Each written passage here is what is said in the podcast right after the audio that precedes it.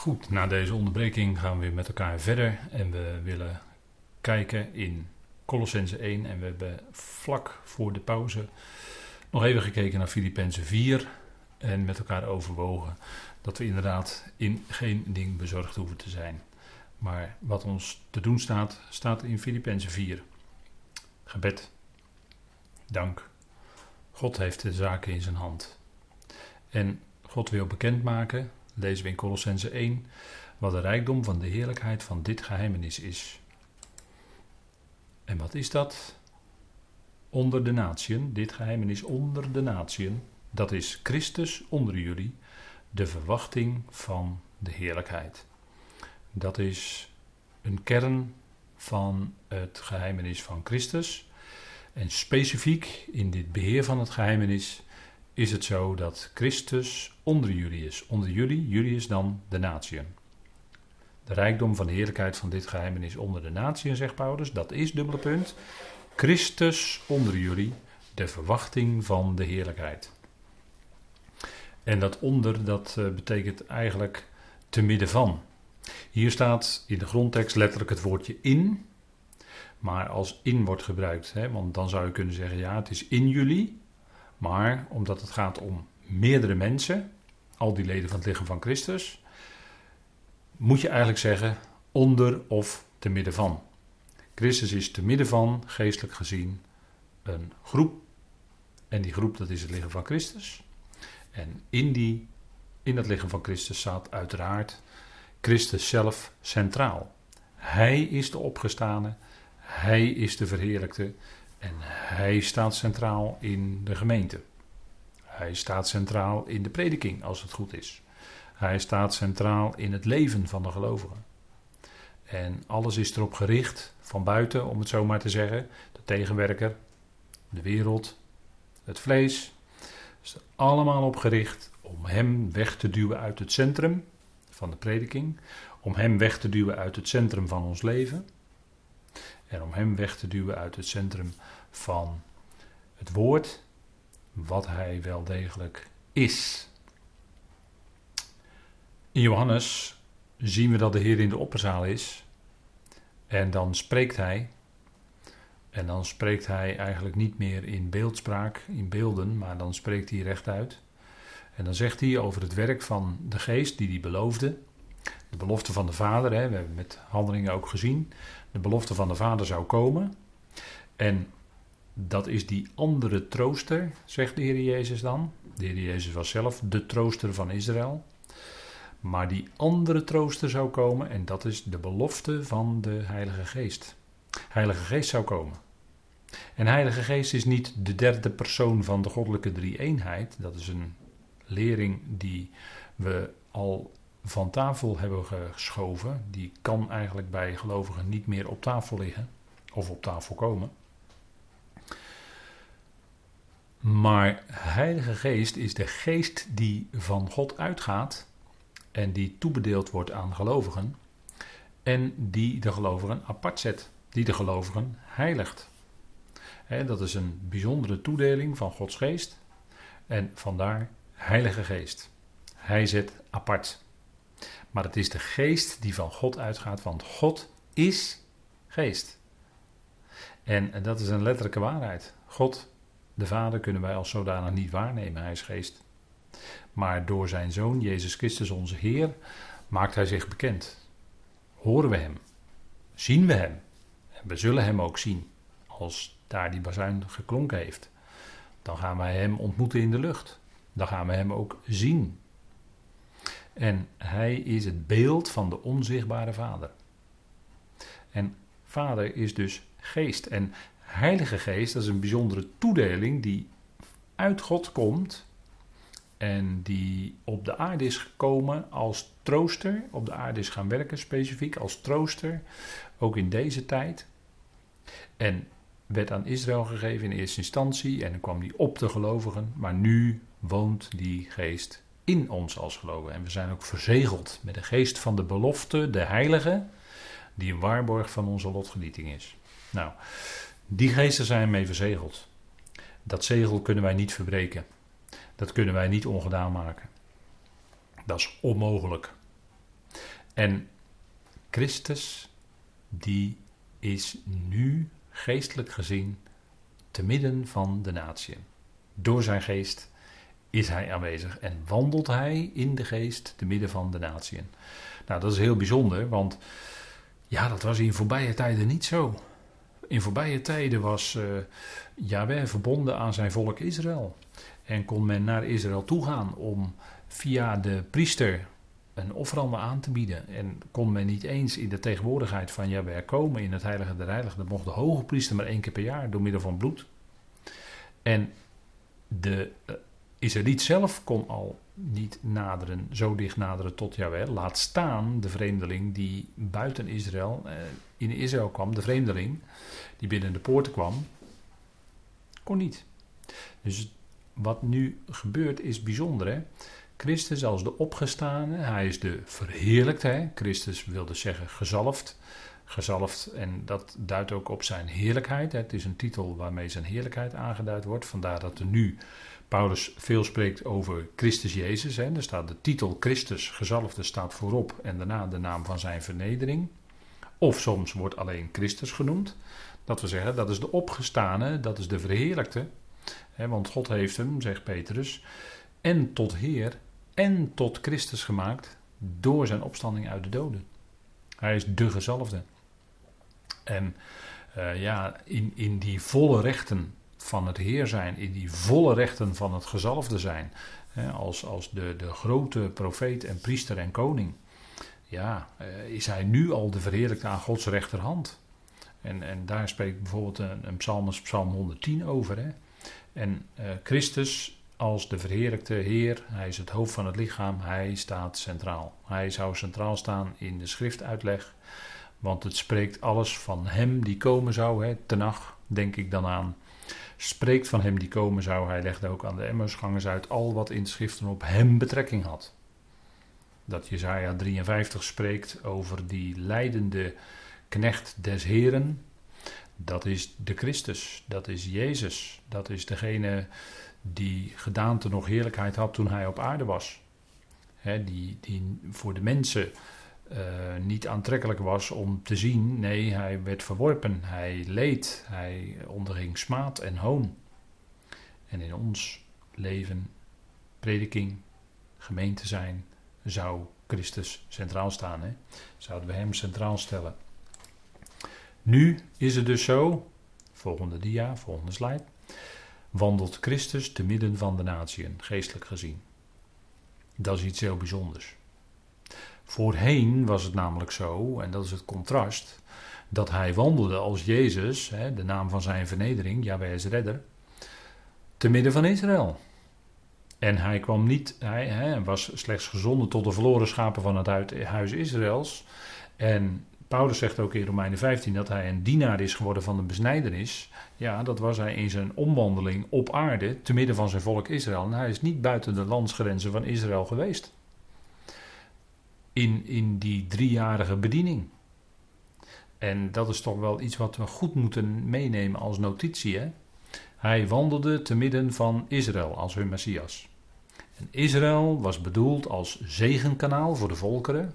Jezaja 49 zegt: Jullie zijn gesteld tot licht voor de natieën. Dat is een, eh, denk ik een duidelijke profetie hoor. Jezaja 49. En men weet dat. Rabbijnen weten dat natuurlijk. Dat zij, dat Israël bedoeld is als het licht voor de natieën. En eh, de, de rabbijn van het Tempelinstituut die uh, geeft ook studies uit uh, en dat gaat uit naar de volkeren. Het is de bedoeling, hè, staat op internet, het is de bedoeling dat mensen uit de volkeren dat zouden horen. Want er staat in Jezaja 49 vers 6. Hij zei, het is, u te, het is te gering dat u voor mij een knecht zou zijn. Om op te richten de stammen van Jacob. En om hen die van Israël gespaard werden terug te brengen. Ik heb u ook gegeven tot een licht voor de natieën, voor de heidevolkeren om mijn heil, mijn redding te zijn tot het einde van de aarde. En ja, dat wordt, zeggen we dan tegen de Messias gezegd, zeker, zeker, uh, en dat is dan de Heer Jezus Christus natuurlijk. Maar niettemin geldt ook dat Israël, zij hadden de onderwijzing van God ontvangen en daarmee licht. En dat was bedoeld dat ze dat zouden uitdoen gaan naar de volkeren. En zo tot zegen van de volkeren zouden zijn. En uh, zo zouden zij licht zijn voor de volkeren. Hè? Nou, straks in de duizend jaar zal hij komen als de Messias. In, uh, zal hij regeren als de Messias in Israël. Hè? dat dat uh, wil nog niet zeggen dat hij duizend jaar lang letterlijk fysiek in Israël aanwezig is. Bij gelegenheid wel, maar hij regeert dan en hij geeft dat regeren dan door aan sommigen in dat volk, de twaalf apostelen. David zal koning zijn en hij zal via die instrumenten regeren als de Messias in Israël. En Israël zal weer aan de, uh, zal de leidende met EI positie hebben ten opzichte van de volgende. In de duizend jaar en nog meer in de periode van de nieuwe aarde. Hè. Dan, is dat, dan gaat dat ook door, dat koningschap van Israël over de volkeren. Priesterschap dan niet meer in de nieuwe aarde, maar het koningschap wel. Nou, Israël zal zijn als zegen voor de volkeren, als licht voor de natieën. Staat hier in Isaiah 49, vers 6. Hè? Zij zullen dat zijn. Aan geen ander volk toebedeeld dan aan Israël. En we zien nu een Joodse staat daar in het Midden-Oosten, die met omringende Arabische landen nu vrede sluit en waar nu uh, daadwerkelijk ook uh, contacten zijn. Hè. Vandaag uh, werd dit zelfs op internet werd dit gemeld in een bericht. de Verenigde Arabische Emiraten, dat die nu ook daadwerkelijk contact hebben, dat er vluchten zijn hè, met vliegtuigen over en weer op eh, vriendschappelijke basis met Israël. Nou, dus natuurlijk in de afgelopen, na de Tweede Wereldoorlog, sinds het ontstaan van de staat in 1948, is dat eigenlijk ongekend. Want al die Arabische landen waren eigenlijk vijanden van Israël. Maar er is een kentering, er is een kanteling hè, in onze tijd. En dat is toch wel heel bijzonder. Dat is toch wel heel bijzonder dat het gebeurt. Opvallend hoor, zulke berichten moeten we goed, eh, nemen we goed mee en letten we op we zijn, uh, zoals Paulus dat zegt in 1 Thessalonicense 5, hè, dat wij nuchter en waakzaam zouden zijn. En wat we hebben dan op ons hoofd of om ons hoofd heen, ter bescherming van onze gedachten is dat natuurlijk een beeld, een helm van verwachting van redding. Dat hebben we op. De verwachting van redding. Daar, bij dat, in dat licht, leven wij geestelijk gezien. Hè? De verwachting van de redding. Wat ook gebeurt in deze wereld. Maar die verwachting van redding is daar net zolang totdat die verwachting wordt ingelost bij de bazuin. En dat beschermt je in je denken. Dat beschermt je dat jouw denken, dat jouw gedachten met jou op de loop gaan. En dat werkt als een bescherming om je gedachtenleven heen, zou je kunnen zeggen. Vandaar het woord helm, hè, wat we dan in de vertaling gebruiken. Dat werkt beschermend om je gedachten heen, zodat je niet je laat meeslepen door allerlei wind van leer op dat gebied. Dat je niet laat meeslepen door allerlei berichten die, uh, die, uh, die, ja, waardoor je gedeprimeerd kan raken. Nee, dat werkt werkelijk als een bescherming rondom je denken. Hè. En dat is natuurlijk sowieso die, die hele geestelijke wapenrusting in Efeze 6. Wapenrusting van God. Daar wordt ook gesproken over zo'n helm. Hè. Iets wat rondom je hoofd is, wat dus jouw denken, jouw gedachten beschermt. En is het ook niet zo wat we voor de pauze hebben overwogen, Filippenzen 4. Alles met gebed en smeking bij God bekendmaken. Ook dat is heel gezond voor je denken hoor. Dat bewaart je denken. Dat bewaart je hart. Dan krijg je vrede. Dan houd je die vrede van God in je hart. Wees in geen ding bezorgd. Wees in geen ding bezorgd. Klinkt luid en duidelijk hè. Nou, straks in de duizend jaar zal hij als Messias in Israël zijn. En die duizend jaar die gaat komen, die gaat zeker komen. De duizend jaar waarin de tegenstander gebonden is in de abyssos, de put van de afgrond, deksel erop, zegel erop, duizend jaar lang verzegeld. En dan komt hij niet uit. Tot de tijd die door de Heer bepaald is en dan wordt hij weer voor korte tijd losgelaten. Ja, dat is Gods, Gods uh, handelen, dat is Gods plan, zoals dat beschreven staat. En dat zal gaan gebeuren straks in de duizend jaar dan zal hij optreden en zal hij blijken te zijn de Messias van Israël. En Israël zal dan richten over de volkeren. De boodschap, de Messias, Jezus, werd verkondigd. En in Israël, Hij trad daar zelf op.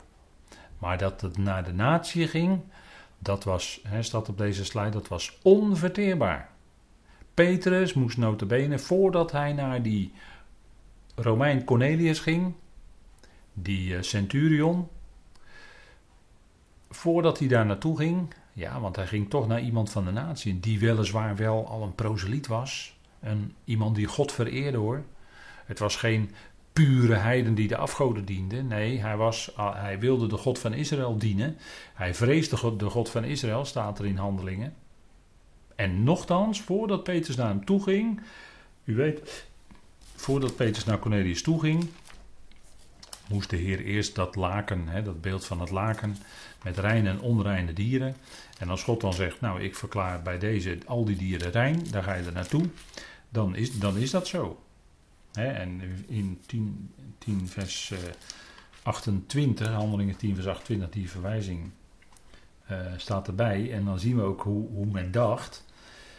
Uh, daar ehm, zei hij dan tegen hen: U weet dat het een Joods. Dan zegt, dan is Petrus inmiddels bij Cornelius gekomen.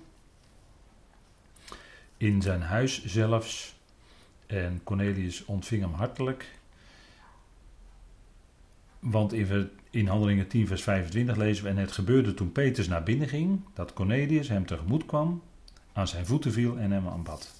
Maar Petrus richtte hem op en zei: Sta op, ik ben zelf ook een mens. En terwijl hij met hem sprak, ging hij naar binnen en trof er velen die samengekomen waren. En hij, dat is dan Petrus, zei tegen hen: U weet dat het een Joodse man niet toegestaan is om met iemand van een ander volk om te gaan of bij hem binnen te gaan. Maar God heeft me laten zien dat ik geen mens onheilig of onrein mag noemen. Zo ziet u hoe er gedacht werd binnen Israël over heidenen, over de Goyim. Die waren in, hun ogen onrein, niet koosje. En de Heer had laten zien aan Petrus dat hij geen mens onrein of onheilig kon achten. Want ja, dat, dat uh, bepaalt God. Hè? Dat ik geen mens onheilig of onrein mag noemen. Dat is God die dat bepaalt. En zo ging Petrus toch naar Cornelius toe. Die al een Godvereerder was. Nogmaals, hè. Dus hij ging niet naar een pure heiden. En dat is echt een verschil met Paulus. Met Saulus, Paulus, Saulus, Paulus, die in Handelingen 13 bij Sergius Paulus komt. En dan gaat het wel om een pure heiden. Dus absoluut geen proseliet. En dat is echt een groot verschil. En vandaar dat ze dan naderhand zeggen, als ze dan terugkomen en uh, daarvan verslag doen, dat uh, Paulus en de medewerker ook zeggen dat een deur van het geloof voor de natieën is opengegaan. En dat was echt een opening. En dat gebeurde niet bij Cornelius. Je zou misschien aan de ene kant kun je zeggen dat was een doorbraakje omdat aan Peters getoond werd je moet toch naar die hoofdman Cornelius gaan, maar Cornelius was al een proseliet. Misschien een proseliet van de poort, maar toch. Hij vereerde God. En in die zin was het al geen pure heiden meer. Maar dat was Sergius Paulus wel. Waar Paulus naartoe ging in Handelingen 13. Hè? Dat, dus die lijnen, u merkt, die lijnen, dat ligt heel scherp. Hè? Dan moet je goed kijken, waar gaat het over? Wie, wie, wie betreft het? Waar naartoe gegaan wordt? En, en dan is het niet zo dat Paulus dan, hè, in het, omdat Petrus dan de deur geopend zou hebben, kan Paulus vervolgens ook naar de heidenen toe gaan? Nee, zo was het niet. Zo was het niet. Paulus had een eigen roeping. Hij had ook een evangelie wat hij van de Heer zelf had ontvangen. Hij had het niet van een mens, Petrus, of ook niet van de twaalf ontvangen. Nee, hij had het zelf ontvangen van de verheerlijkte Heer. En zo ging hij naar de natie toe. Na zijn afzondering in Antiochië, ook nadrukkelijk handelingen 13, hij werd afgezonderd samen met Barnabas door de Heilige Geest. Afgezonderd om specifiek een apart, een uniek werk te gaan doen. Kunnen we niet genoeg benadrukken hè, dat die lijnen dus echt uit elkaar liggen. En in handelingen 22 blijkt, en dat is even ons onderwerpje nu, dat het gaan naar de natie met een boodschap van heil van redding, dat was onverteerbaar. En in Handelingen 22 ging het nota bene ook nog om Joodse mensen die geloofden in Jezus als de Messias. En moet je eens kijken wat er dan gebeurt.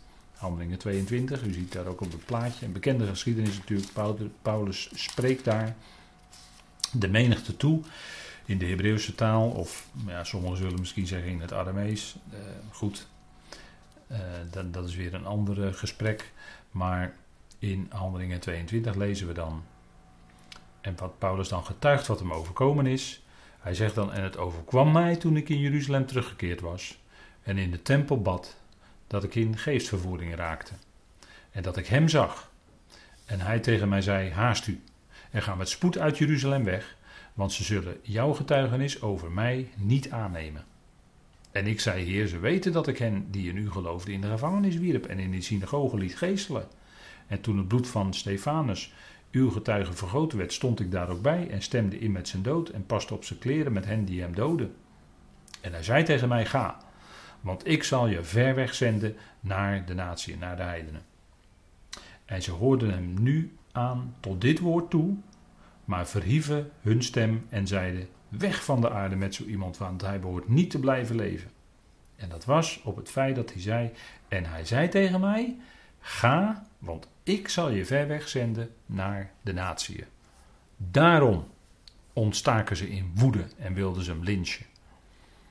Omdat nu er iemand ging zonder dat volk Israël, maar werd apart, iemand ging apart dus naar die heiden toe. En dat wekte bij de Israëlieten enorme woede.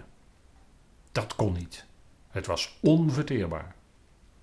En dan zien we hoe bijzonder het is. tegen deze achtergrond, deze gebeurtenis uit handelingen, zien we hoe bijzonder het is dat Paulus hier in Colossense 1 schrijft dat het geheimenis is Christus onder jullie, de verwachting van de heerlijkheid. Christus wandelt geestelijk gezien te midden van de natieën. En alleen al het gaan naar de natie van een Peters kostte erg veel moeite, naar de, naar de notabene een proseliet te gaan. Maar het gaan naar zuivere natie en dat, en dat Paulus daarvan verslag doet, dat wekt enorme woede en is, was onverteerbaar. Dus wat Paulus schrijft is natuurlijk heel, iets heel bijzonders tegen die achtergrond. Hè? Christus te midden van jullie, de verwachting van de heerlijkheid. Dat, is, dat is een van die kernpunten van dat geheimenis, van het geheime beheer. En dat maakt het zo bijzonder. Christus te midden van de natie. En het geweldige is, dat is die rijkdom. Dat is die rijkdom. En wij zijn zijn complement, hè, zegt Efeze 1, vers 23. De gemeente als geheel maakt hem compleet. Zonder ons, zonder al die gemeenteleden, van begin af aan tot aan de laatste aan toe, vlak voordat de bazuin gaat geroepen wordt. Al die heiligen en gelovigen bij elkaar van het lichaam van Christus, dat is zijn complement. Dus zonder zijn gemeente is hij incompleet. Wij completeren hem. Oh, dat is adembenemend hè, als je dat tot je door laat dringen. Fantastisch. En wij zullen dan ontvangen bij die bazuin, bij die vereniging, als hij compleet wordt gemaakt, hè, zo kunnen we dat zeggen. Het moment van de bazuin van God is ook dat hij, Christus, Jezus, compleet wordt gemaakt. Met al die gemeenteleden die dan bij hem, zich bij hem zullen voegen, bij hem geroepen worden, naar hem toegetrokken worden door hem. Dan zijn zij in een geestelijk lichaam dat gelijkvormig is aan zijn heerlijkheidslichaam. daar, zo spreken 1 Korinthe 15, Romeinen 8. We zullen omgevormd worden naar het beeld van de zoon. Dat geldt ook wat het lichaam betreft. Dus en Filippenzen 3, wij zullen gelijkvormig gemaakt worden, hè, ons lichaam, aan zijn heerlijkheidslichaam. Nou, dat is natuurlijk fantastisch, hè. Jouw lichaam, wat nu je zoveel moeite kost, waar je zoveel moeite mee ondervindt, waar je, waar je pijn in lijdt, of misschien hebt geleden, of misschien nog steeds, en er lijkt maar geen einde aan te kunnen komen. Wat zoveel moeite is, het zal omgevormd worden komt een einde aan dat lijden. Het zal omgevormd worden en gelijkvormig gemaakt worden aan zijn heerlijkheidslichaam. Dat is de belofte. En dat is een geestelijk lichaam. Dat wil zeggen dat het lichaam niet langer een zielskarakter heeft, maar een geestelijk karakter. Het wordt overheerst en in stand gehouden en in leven gehouden door geest en niet langer door bloed. Dat is een enorm verschil. Daarom is het geen zielslichaam meer, maar een geestelijk lichaam. Maar nog wel degelijk een lichaam. Hè? We moeten niet uh, in de val trappen van de gnostiek. Maar we hebben daadwerkelijk dan wel echt een lichaam, fysiek. Maar het wordt overheerst door geest. En daardoor ook niet meer gebonden aan de aarde, niet meer gebonden aan zuurstof wat we nodig hebben, maar geest. Gods geest zal het zodanig beheersen en overheersen dat we daardoor leven. Nou, en in de komende eonen, in dat geestelijke lichaam, wat we dan hebben ontvangen, in de komende eonen, twee tijdperken, verkondigen wij en tonen wij als zonen van Hem Zijn genade die aan ons gegeven is. de, wij zullen daadwerkelijk in dat zoonschap gesteld worden. En natuurlijk is daar dan, kun je zeggen, hè, daar kun je over uh, praten met elkaar. Daar, is, daar zijn dan gradaties in. Sommigen zullen regeren met hem en sommigen niet. Goed, maar niettemin, die positie van het zoonschap, dat zullen we ontvangen. Allemaal. En in die positie van zonen zullen wij dan die heerlijkheid, die genade, die veelvuldige wijsheid, mogen we nu al bekendmaken. En die genade en die, en die mildheid van Hem, die zullen wij dan mogen tentoonspreiden en tonen aan die hemelse machten en krachten. En ook onze, onze verhalen om onze geschiedenis van genade ook aan hen bekendmaken. Dan zijn we met hen in gesprek. Nou, dat is natuurlijk fantastisch, hè? Kijk, en hier willen we dan vandaag deze studie mee eindigen. Met Christus. Hij is onze verwachting. Christus is de verwachting van de heerlijkheid. Hij is onze verwachting, zegt Paulus tegen Timotheus in het eerste vers wat hij aan Timotheus schrijft. Christus is onze verwachting. Christus, de verwachting van de heerlijkheid, zegt Paulus in Colossense 1 vers 27. En hem verkondigen wij. Wie verkondigen wij? Christus. Christus te midden van de natieën, de verwachting van de heerlijkheid. Zo verkondigen wij hem. Wij verkondigen dus niet, de spits van de verkondiging en van de studies liggen niet op Jezus die te midden van zijn volk op aarde was. Hoe geweldig dat ook was en hoe fijne dingen hij daar ook gezegd heeft en gedaan heeft. Maar nu is het Christus te midden van de natieën de verwachting van heerlijkheid. En dat is een hemelse heerlijkheid. Het is nu ook een hemelse Christus die te midden van de natie wandelt, geestelijk. We hebben geen aardse zegeningen, we hebben geen fysieke tastbare zegeningen. Onze zegeningen zijn uitsluitend geestelijk en in Christus en te midden van de hemelingen. Hij is de verwachting van de heerlijkheid. Hij is nu te midden van, hij wandelt nu te midden van de natie. Die Christus, die verkondigen wij. Die het beeld is van de onzichtbare Vader. Het evangelie van de heerlijkheid van Christus. Dat is echt een geweldig evangelie hoor. Dat hij verheerlijkt is aan de rechterhand van God. Dat hij de touwtjes in handen heeft. Dat hij in de gemeente bepaalt wat gebeurt. Dat hij gaven toedeelt aan in de gemeente. En bijzondere gaven zijn dan evangelisten, herders en leraren. Nee, maar hij heeft al het gezag. Het woord wat hij spreekt. Dat is het gezaghebbende in ons midden. De brieven van Paulus. Die hebben het gezag. we praten niet over leergezag bij een persoon. Daar praten we niet over. Nee, we hebben het over het gezag van de brieven van de apostel Paulus. Dat woord. Dat is gezaghebbend, leidinggevend, sturend, richtinggevend voor alle gemeenteleden. En ja, anders, anders dan dat is het niet. Anders dan dat is het niet hoor. De brieven van Paulus, nu, deze tijd. En natuurlijk, al het andere is ons tot voorbeeld geschreven. Al het andere is ons tot lering, tot, zelfs tot onderwijzing en opvoeding in de gerechtigheid geschreven. Natuurlijk, zegt Paulus tegen Timotheus. Hè.